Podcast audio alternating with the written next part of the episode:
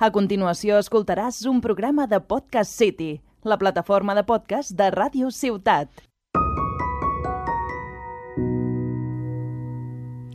Benvinguts i benvingudes al podcast de salut i bons hàbits que t'aporta recursos per construir una salut pròpia, única i diferent.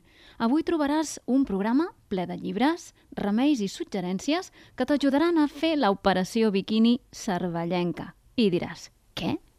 Sí, avui ens arremangarem per posar el cervell en forma i llistar tot allò que podem fer per alliberar, canviar o netejar allò que la nostra CPU necessita. Nutrients, lectures, hàbits i una tècnica ancestral molt i molt xula per ajudar a la sanació interna, l'Oponopono. Comentarem alguns llibres on trobar eines per fer bricolatge emocional i novetats de la neurociència per vèncer la depressió. Així que ja ho veieu, la ciutat que cura torna, com sempre, per impulsar-te, ajudar-te i inspirar-te. Jo sóc Mercè Milan, infermera i la veu que escoltes.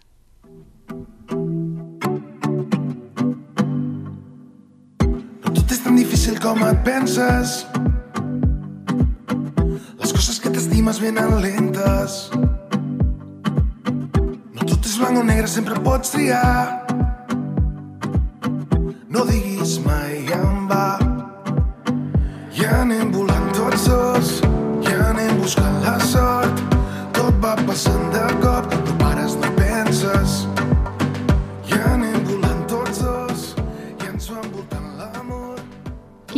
Torno a ser aquí després d'un lapsus d'absències en la producció del podcast perquè per generar contingut tots són bons ara, perquè el contingut arribi, cali i ho peti, això ja és una altra cosa. Hi ha un component màgic, un ingredient secret que no tothom té. L'ingredient imprescindible, el combustible, són les meves ganes de contagiar-te força, confiança i de que tot és possible. Però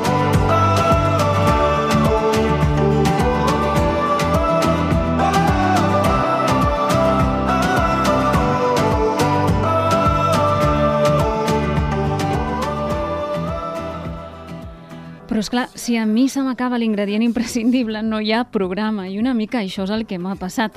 Imagino que tots us preguntareu què li ha pogut passar a la veu de la ciutat que cura que es dedica a la vida healthy i a la cura de les persones, i que se suposa que de cuidar ne sap un munt. I què? I què? D'aquestes coses de vegades ens passen i fem pana. Doncs molt senzill. Molt senzill de dir i més difícil d'arreglar. Amb la pandèmia, el meu sistema nerviós va fer un pet i em va provocar un estat d'alerta permanent amb la pèrdua de sensació de son durant les 24 hores. I això uns mesos es pot sostenir, però després d'un any el cos comença a passar comptes, el cervell ja no és resolutiu, li costa prendre decisions i veure les coses clares, ja no pots posar focus, comences a desanimar-te i a deixar de creure en tu, perquè res sembla que funcioni. Et qüestiones les obvietats perquè opines diferent a molta gent i comences a perdre la fe dia a dia amb comptagotes i en veure que no millores, entres en un pensament trist, gris i autodestructiu. Sapigueu que això passa i és normal quan el cervell no regenera perquè no dorm. El dia que dorms, amb un son profund i reparador, t'aixeques el més optimista del món. Però, en definitiva, la crisi existencial es plantifica a la teva vida per qüestionar-te de cap a peus la vida que portes. Així, molt resumidament, amb una mica de sort, els que t'envolten et suporten i et quedes en un racó sobrevivint dia a dia, sorpresa de veure't així i no reaccionar.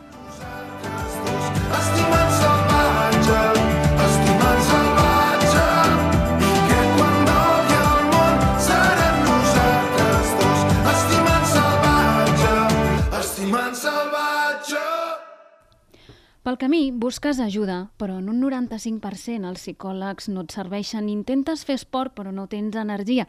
Passeges per la platja durant uns dies i quan sembla que et va bé comença l'hivern i fa un fred que pela i deixes de fer-ho. Prens vitamines, suplements i subsisteixes uns mesos amb aquesta tristor cada cop més gran i més fosca sense saber ni entendre com has arribat en aquest punt.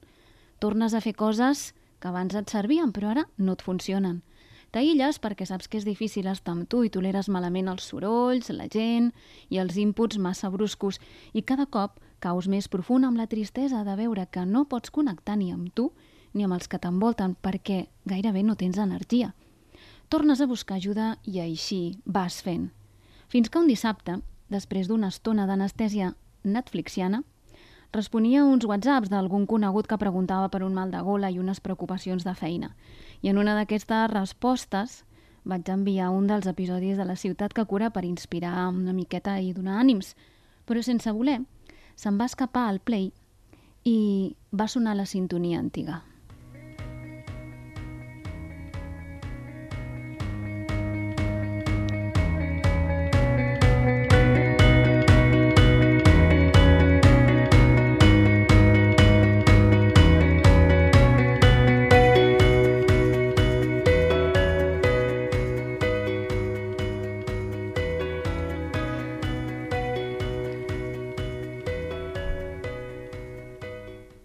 Música em va moure per dins perquè la vaig escollir a la primera temporada quan no en tenia ni idea de com fer un podcast i, i això em va fer seguir escoltant, sorpresa de ser jo qui parlava com si fos una estranya.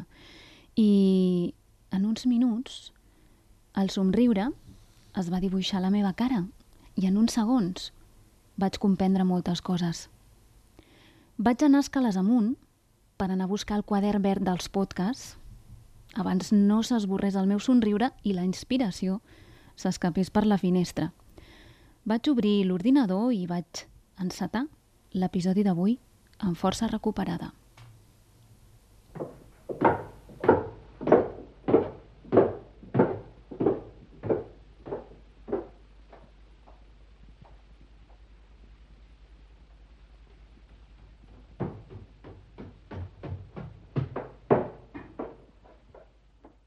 Gairebé al final de la tercera temporada, fer la ciutat que cura ha suposat un abans i un després en la meva vida.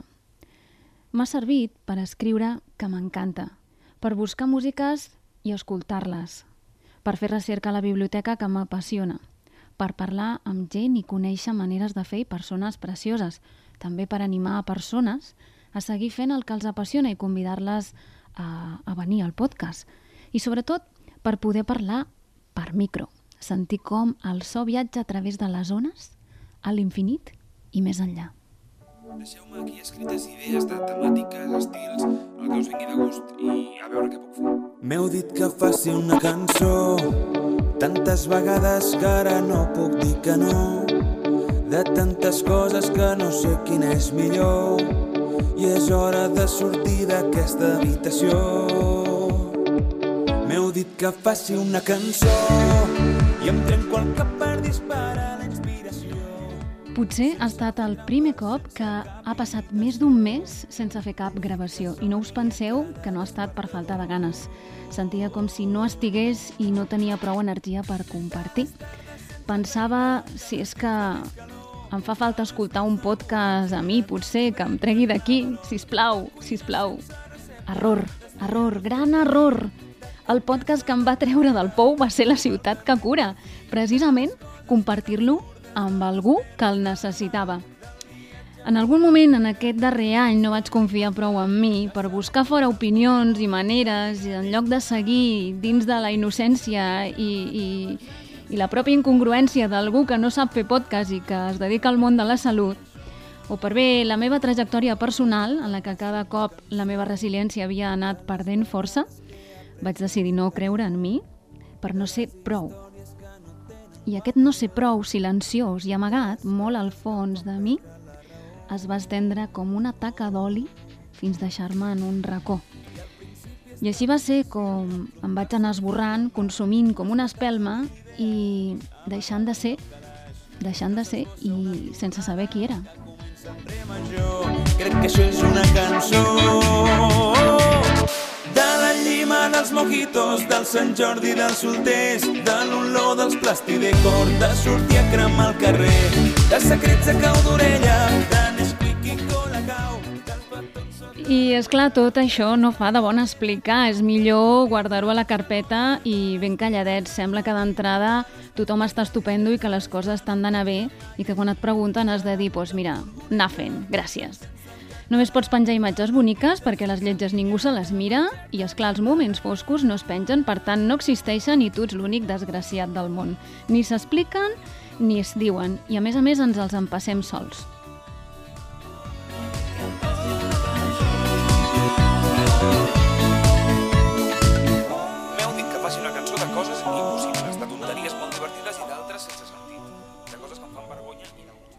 A tot això, un llibre il·lustrat fantàstic, Monstruosamente, d'Alfonso Casas, tan simple com un còmic que parla d'això. Gairebé sense paraules, però que posa uns dibuixos a les nostres pors, als nostres dubtes, als nostres monstres, en definitiva. Quan estàs així, també et costa molt llegir. I és d'agrair un llibre com aquest, que en una horeta ja te l'has polit i et deixa un somriure a la cara. Igual que Les coses que importen, de 72 quilos. Un altre llibre il·lustrat, encara més bonic fins i tot, que amb breus paraules i un dibuix a cada pàgina et va enxamplant el cor. I al final és com si la vida t'hagués donat una forta abraçada.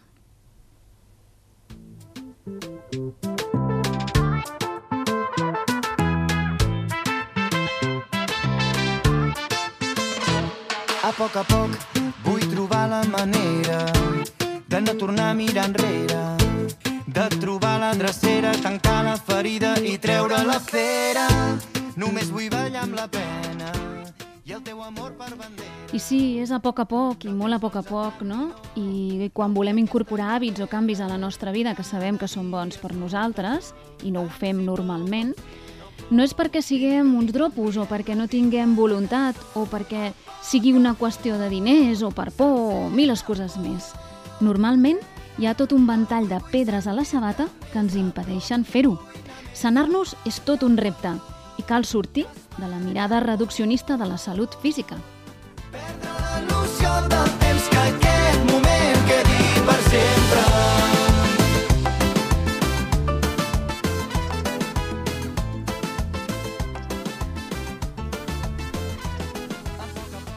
Per mi, l'autosabotatge i el bloqueig són els principals protagonistes en la dificultat per assolir els objectius que ens plantegem.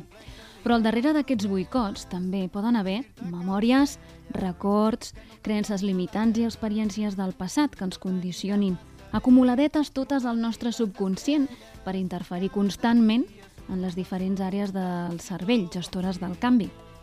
També, per si no en teníem prou, podem trobar programes o associacions del cervell amb respostes condicionades a experiències apreses o vistes o impreses per l'educació, la família o la societat. I així anem, amb aquest tingladet, funcionant per la vida com si tinguéssim un corcó invisible que ens fa la traveta tota l'estona, quan no és una cosa és l'altra i és que de tot això no ens diuen res quan anem al metge. No, ni ho espereu, perquè el desafiament que ens traurà del cercle ens obliga a deixar de ser pacients i a responsabilitzar-nos del que hem de fer per tenir més pau i recuper recuperar la nostra harmonia interna. En definitiva, la pregunta sempre ha de ser què puc fer més jo per mi i des de mi?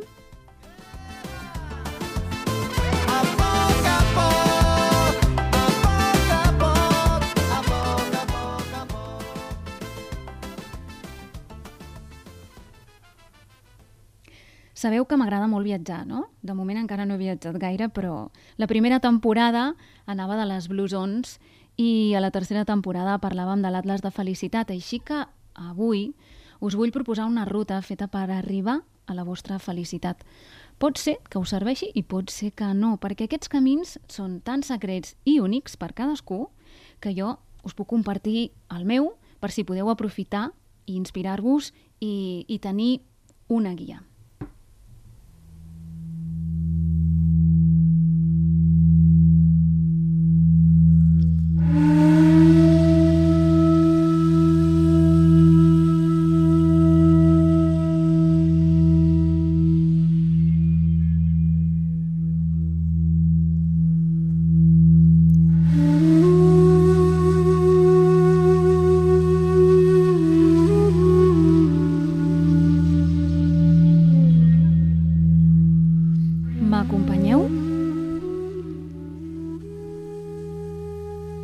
Sí, m'acompanyeu? anem a començar el viatge i sortirem des d'allà on sigueu. Allà on ets ara serà el teu punt de partida. Necessito primer de tot que et treguis les pedres de les sabates. Si tens dubte d'estar atrapat o atrapada en un autoboicot o en un bloqueig o en algun programa que es repeteix a la teva vida un cop i un altre cop, vine a veure'm o demana hora amb un professional qualificat. Busca fins que el trobis. Després, llença les sabates amb què has caminat fins ara i posa't unes sandàlies o unes sabatilles esportives per caminar o vés descalça, descalç. Què vull dir amb això? Que et preparis per estar còmode i poder-te moure. Per començar, dos llibres. Les eines del bricolatge emocional de TV3, amb pròleg de Gaspar Hernández i edició de Francesc Miralles. Trobareu un recull que us convida a fer unes pàgines cada dia i anar repensant com anem d'aquell tema, amb unes reflexions curtes però molt planeres i didàctiques, i a partir d'aquí poder estirar el fil d'aquelles que creiem que podem necessitar en aquests moments. L'altre llibre és Alimenta bien tu cerebro. Cómo mantener tu cerebro en plena forma durante muchos años, de Miguel Sánchez Romera i Ediciones Cúpula.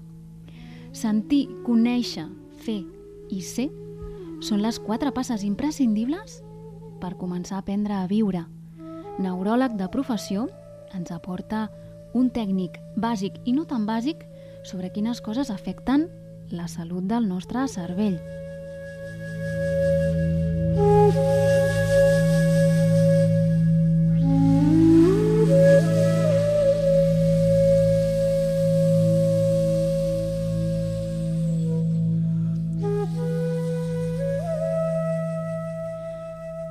Tretes les pedres de la sabata i calçats per fer camí i asseure'ns a la vora d'un riarol, podem començar a posar en pràctica la piràmide de la natura, sí, el que sents. Que la de l'alimentació ja la tenim molt sentida i molt vista. La podeu descarregar a comocrearhistorias.com Quanta naturaleza necesitas, érase una vez los baños de bosque. Cada dia s'ha d'implementar la base de la piràmide i procurar passar temps a l'aire lliure. Caminar, passejar, seure's a observar els ocells, escoltar els sons, sentir el sol o la brisa sobre els braços o contemplar la natura des de la finestra un cop a la setmana, visitar parcs o àrees naturals. Un cop al mes, fer una escapada a un parc natural i un cop l'any o cada dos anys visitar una natura llunyana, però en definitiva la natura és medicina. Sortint del bosc o tot passejant, dins seu, ens endisarem ara a una part més activa. Preparats i preparades? Som-hi. It feels like a way back home where I try to get away from the things that I know.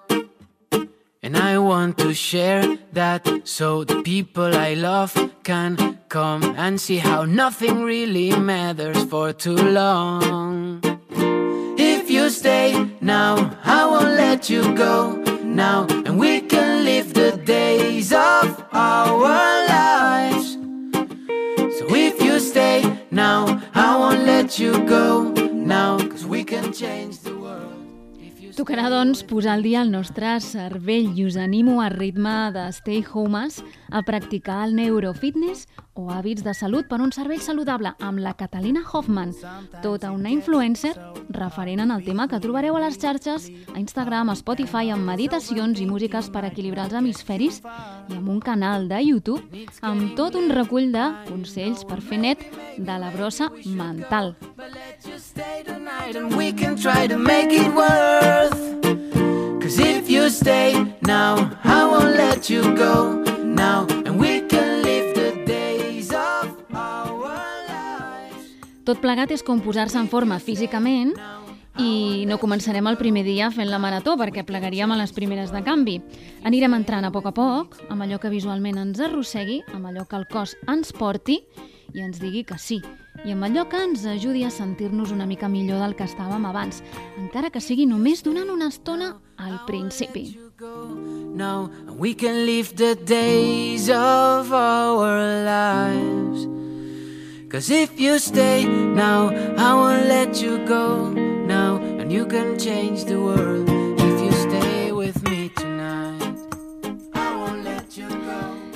Aquesta ruta tan xula necessita que parem a repostar i a donar benzina de la bona al nostre cervell per ajudar-lo a que funcioni millor.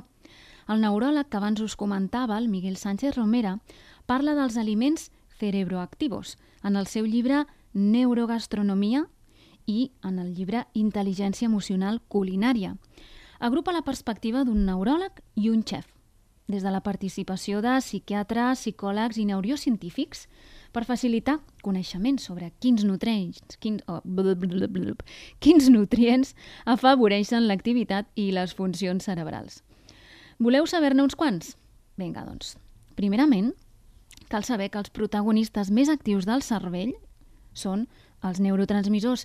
Cal conèixer una mica les seves funcions i com ens afecten. La gran majoria estan formats per aminoàcids i altres substàncies que podem trobar en petites quantitats en certs aliments. Per tant, segons diu el llibre, mm, no depèn tant de la quantitat que ingerim un dia, sinó de la freqüència amb què els anem ingerint cada dia. Ell diu, alimenta bé el teu cos i beneficiaràs el teu cervell. Alimenta bé el teu cervell i aquest farà el mateix amb el teu cos. Àcids grassos essencials que no produeix el cos, com el linoleic i el linolènic, podem obtenir-los dels olis vegetals de llavors o de l'oli d'oliva en cru. Una dieta rica en omega-3, més abundant en el peix blau i en les algues marines, ajuda el cervell perquè els aprofiti i estigui protegit contra l'envelliment i les malalties cardiovasculars. Per descomptat, també necessitarem minerals essencials com el sodi, el potassi i el magnesi, així com les vitamines del grup B i C, amb capacitat antioxidant.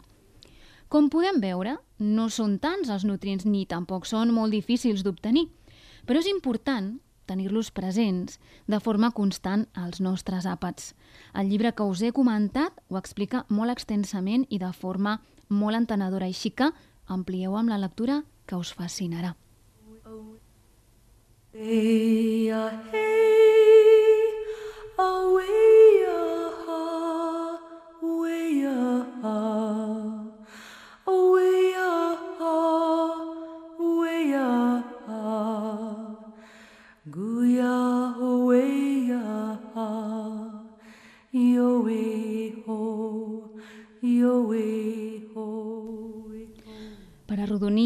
aquesta ruta, ens introduirem en la tècnica ancestral hawaiana del Ho'oponopono, que servirà per netejar i alliberar programes mentals adquirits d'una forma molt senzilla i planera.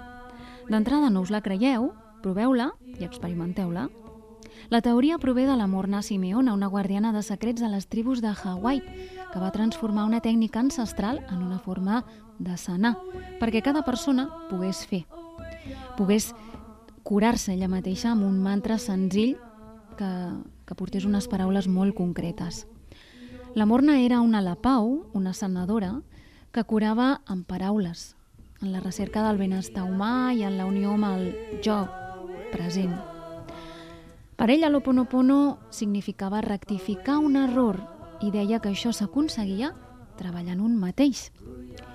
Quan apliques el Ho'oponopono, et responsabilitzes tu al 100% de la teva pròpia vida i ets tu qui se'n fa càrrec de guarir-la, de netejar-la, de posar amor, de transmutar, de permetre que la llum flueixi.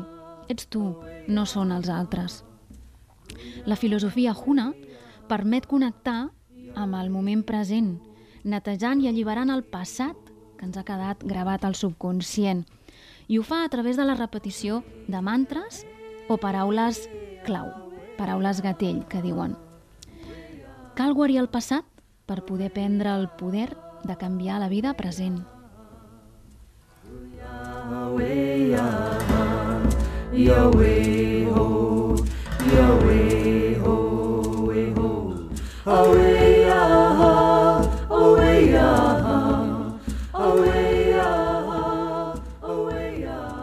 aprofundir us animo a llegir el llibre de l'Andrea Bruno, de l'Andrea Bruno, perdó, el manual del Ho'oponopono, guia pràctica de autosanació, de l'editorial Kier. I abans us convido a conèixer paraules com llave de luz, fresas y arándanos, flor de lis, llovizna, paz en mí, colibrí, chocolate caliente, hoja verde de arce. Amb quina t'has quedat? Cadascuna té una finalitat de netejar programes relacionats amb la salut, relacionats amb l'abundància, relacionats amb el benestar.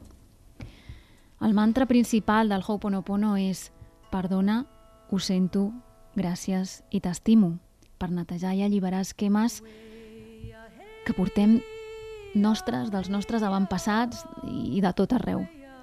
Aquest mantra més llarg és la base de tota neteja interna.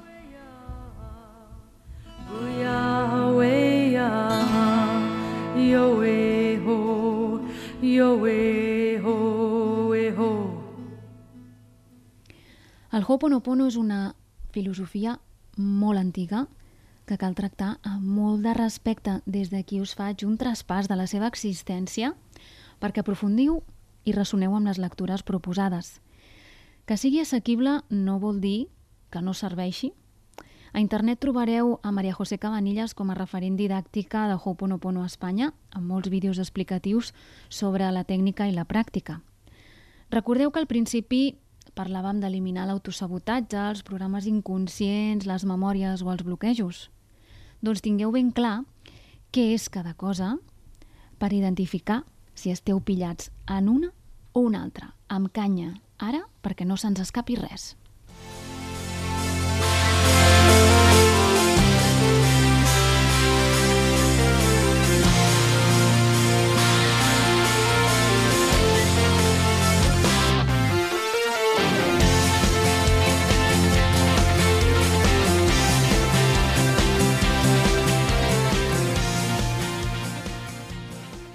Què és un autosabotatge i què és un bloqueig? Doncs anem per parts, perquè tots dos són prou importants perquè els tinguem presents si volem gaudir d'una vida plena. Sembla que l'autosabotatge sigui un tema de l'àmbit de la psicologia i evidentment ho és, però quan parlem de salut i de persones no podem fragmentar per parts, de cap manera. I fins ara això s'està fent així. Una cosa és anar a teràpia per treballar temes que ens preocupen i no sabem gestionar i l'altra és detectar un autosabotatge que ens impedeix avançar en algun objectiu molt concret a la vida. Per definir-vos de forma planera què és, seria com una associació d'idees inconscients del teu cervell que et fan creure que ets culpable d'alguna cosa o que no ets mereixedora, mereixedor d'assolir cert objectiu. I això et fa la traveta cada cop que ho intentes, cada cop que vols anar allò que vols i no arribes. Pot ser implementar un hàbit, aconseguir una feina millor o treure't el carnet de conduir. El cas és que, amb algun fet, et dones de cop contra la paret una i una altra vegada.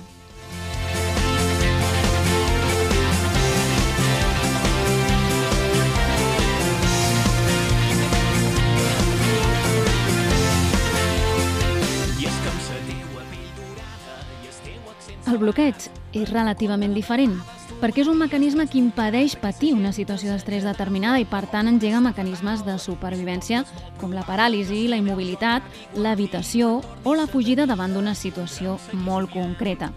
L'autosabotatge i el bloqueig s'assemblen. Tot i que no són iguals, tenen uns factors en comú.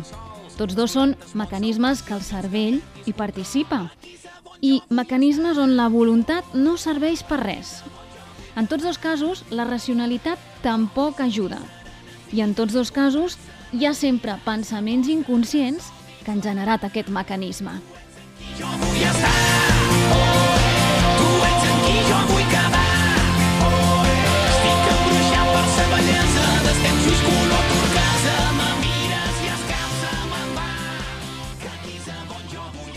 A la metàfora del cotxe, podem dir que mai va malament fer una revisió completa de les parts i anar a teràpia, però de vegades, sentint un sorollet, els bons mecànics saben de quina peça pateix l'avaria, oi?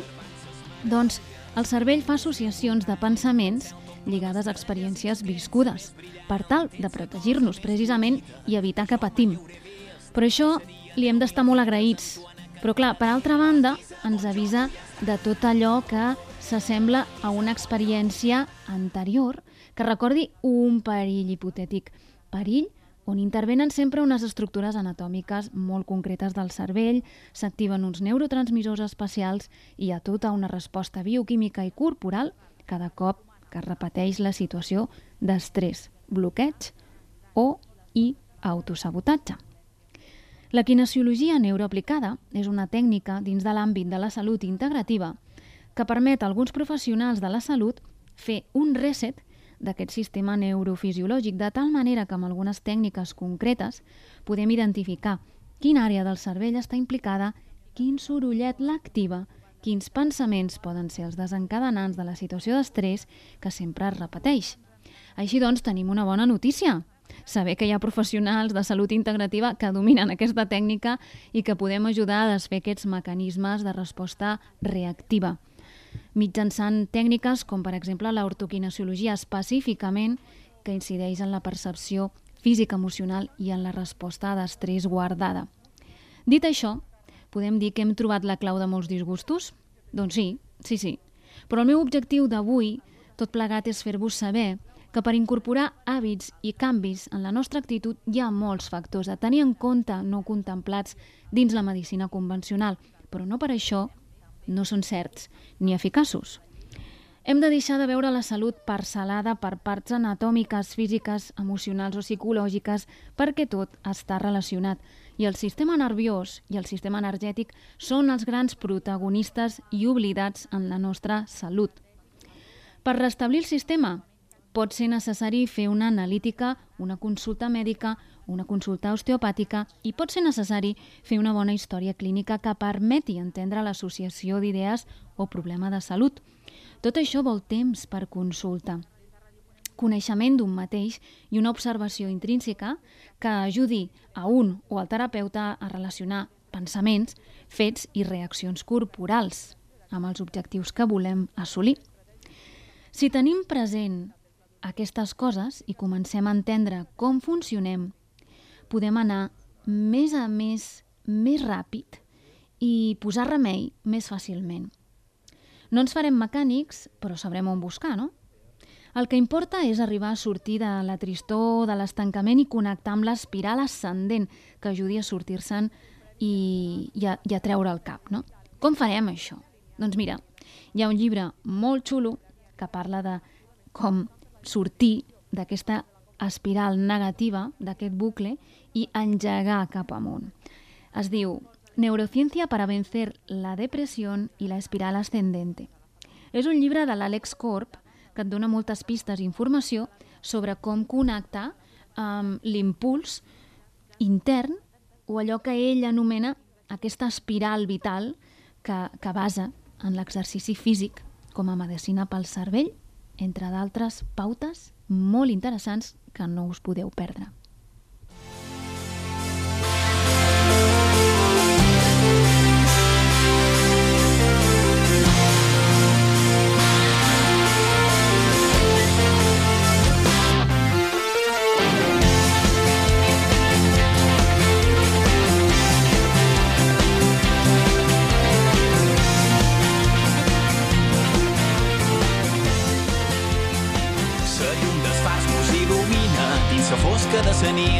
Amb el gust de sal marina i l'escalfor que té el teu llet, la teu aigua cristal·lina i el teu cos despoat. Jo t'observ mentre camines quan la lluna s'ha amagat terra. A partir d'aquí, colibrí, colibrí, colibrí i freses i aràndanos, que l'Oponopono t'acompanyi per alliberar-te del teu passat, dels autosabotatges i de les memòries que no et fan cap bé i no et deixen ser tu.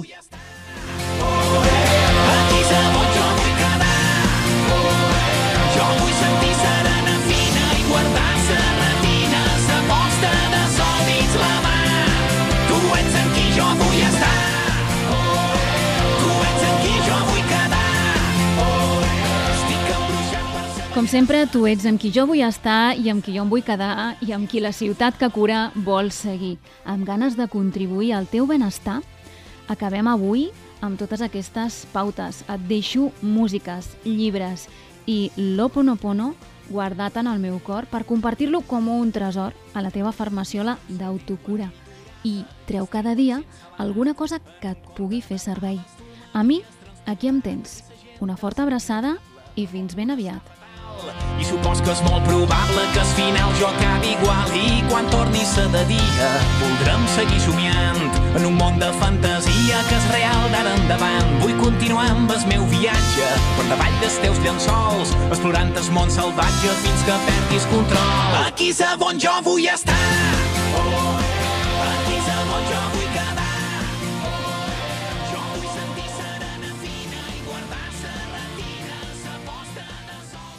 Has escoltat un programa de Podcast City, la plataforma de podcast de Ràdio Ciutat.